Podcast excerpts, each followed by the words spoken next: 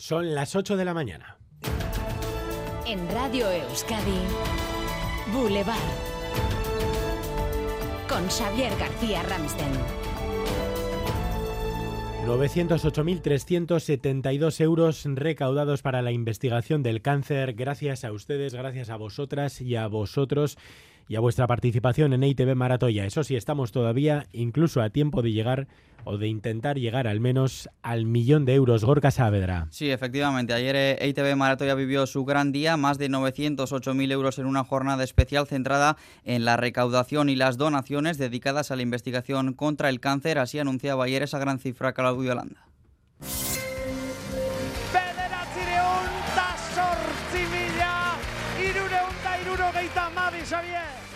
Más de 908.000 eh, euros recaudados eh, ayer, pero hay que recordar que todavía se puede seguir aportando llamando al teléfono gratuito 900-840-750. El teléfono estará abierto en la jornada de hoy, viernes, de 9 de la mañana a 10 de la noche y también mañana, sábado, en horario de 11 de la mañana a 10 de la noche, llamadas al 900-840-750. Dentro de una hora vuelve a abrirse ese teléfono. Enseguida en Boulevard hablamos con Isabel Octavio, directora de Estrategia y Comunicación de EITV para actualizar esa cifra y, por supuesto, para darles las gracias por su participación, como siempre, un año más en EITV Maratoya.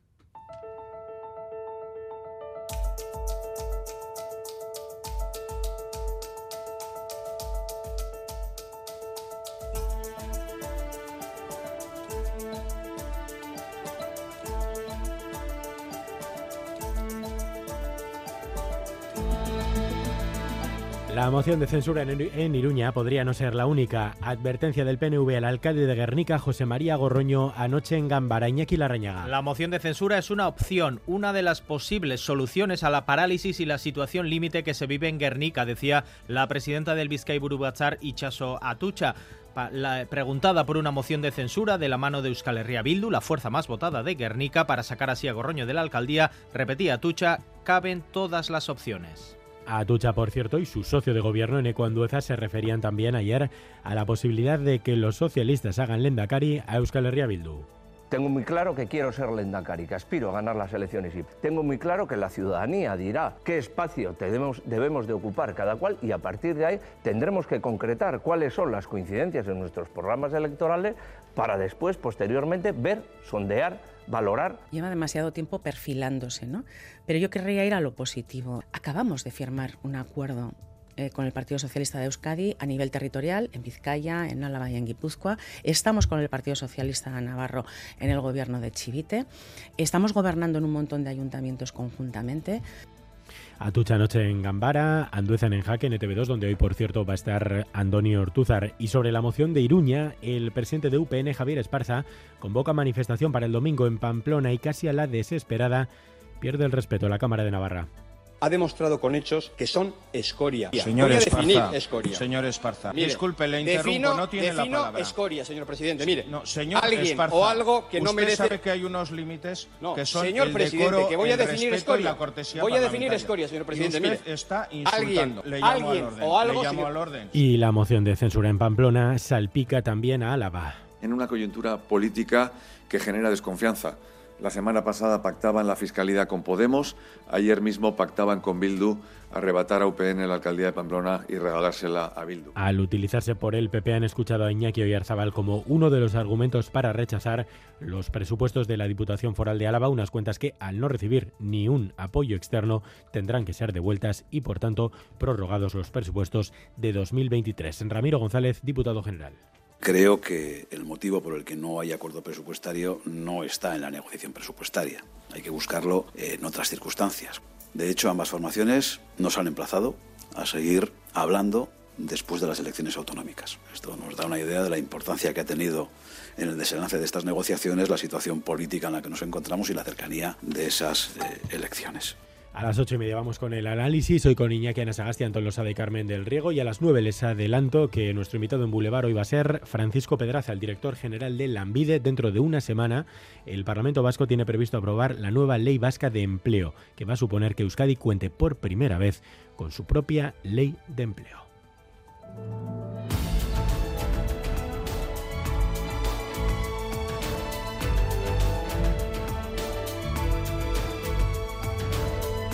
Viernes 15 de diciembre que nos deja más noticias, las repasamos con Ander López Lerena. Más de la mitad de los vascos viven en zonas tensionadas por el alto precio de la vivienda. Es lo que concluye el mapa de áreas tensionadas de Euskadi. El gobierno vasco ha detectado varias zonas en pueblos y ciudades en las que podría intervenir el mercado de la vivienda. Son 41 municipios en total, prácticamente todos ellos en Guipúzcoa y en Vizcaya. En Araba destacan Vitoria-Gasteiz y Alegría Dulanzi como únicas zonas tensionadas. Por cierto, que la capital alavesa ya ha anunciado que se acogerá a este plan. Pedro Jauregui, vice consejero de Vivienda. El departamento ha remitido cartas esta misma semana a todos los ayuntamientos con distritos susceptibles de ser declarados como zonas tensionadas con el objetivo de dar a conocer el, protocolo a seguir para solicitar la, la incoación del expediente y bueno, ya los ayuntamientos tendrán que decidir si efectivamente dan el paso. Son son declarados zonas tensionadas o bien porque los alquileres han subido allí más del 17% o porque los gastos de la hipoteca y suministros suponen más del 30% de la renta de las familias. El Banco Central Europeo mantiene sin cambios los tipos de interés. Como se esperaba, la institución ha dejado el precio del dinero en el 4,5% y ha dado a entender de que se mantendrá ahí a medio plazo. Es la segunda vez que lo hace tras las 10 subidas consecutivas que interrumpió en septiembre y escuchando a su presidenta Christine Lagarde, parece que este es el escenario para los próximos meses. We did not discuss rate cuts at all. Lagarde cree que la inflación volverá a niveles normalizados en 2025 y pide a los gobiernos que eliminen ya las medidas tomadas contra la escalada de los precios de la energía. Bueno, pues los tipos que se mantienen, el Euribor que está en mínimos del año y los precios bajando un 3,4%. La inflación da un respiro a poco más de una semana de la Navidad. El IPC en el mes de noviembre confirma su bajada y se sitúa en el 3,4%, en parte por la bajada del precio de los carburantes y la contención de los alimentos. La subida general de la cesta de la compra se queda así en el 8,9% interanual. ¿Y cómo está el precio del marisco y de algunos de esos manjares que algunas familias podrán disfrutar en estas fechas eh, navideñas? Nos vamos a ir en directo a Mercado Bilbao, hoy jornada de apertura a los medios de comunicación. Ahí está Radio Euskadi, ahí está María Ruiz. Uno, María. Según Xavier, pues vamos a dar alguno de esos precios que estábamos hablando. Lo decíamos, por ejemplo, el percebe de 28 a 200.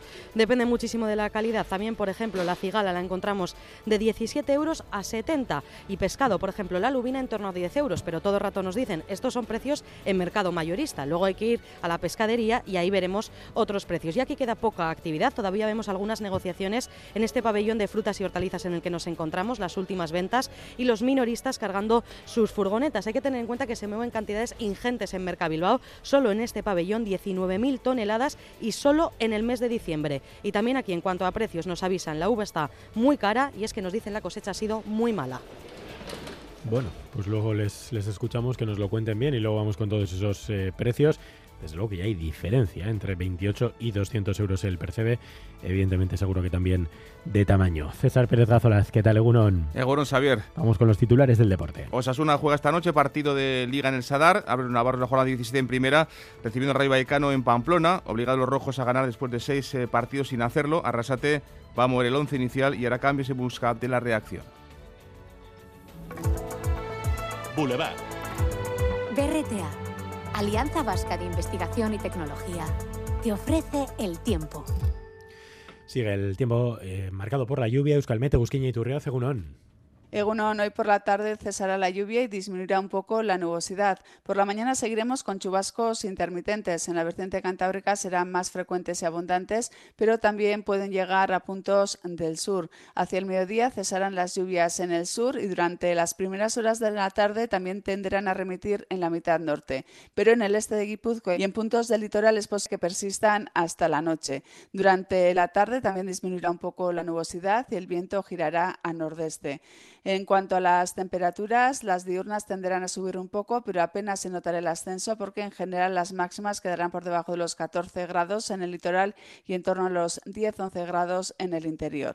Resumiendo, las lluvias tenderán a remitir y el tiempo se irá estabilizando. 11 grados tenemos en Bilbao, 10 en Donostia, en Bayona 8, en Gasteiz 8 y en Iruña 9. Aupa egunon, Guernica Lumón, amabi gradu, Ondoishan. Egunón, hoy en el Orrio hay 10 grados y está lloviendo. ¡Feliz viernes! Egunón, en los arcos 8 grados. Aupa, agur.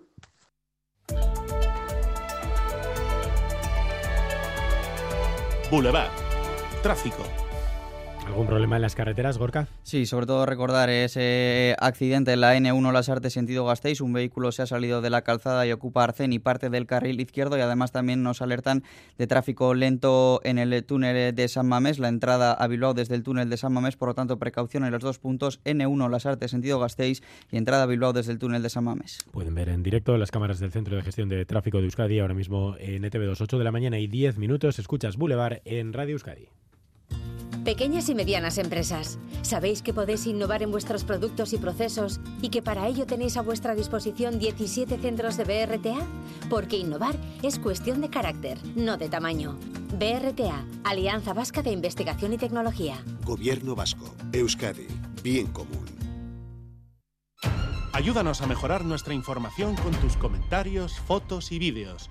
Envíalos al WhatsApp de Radio Euskadi 688 840 840.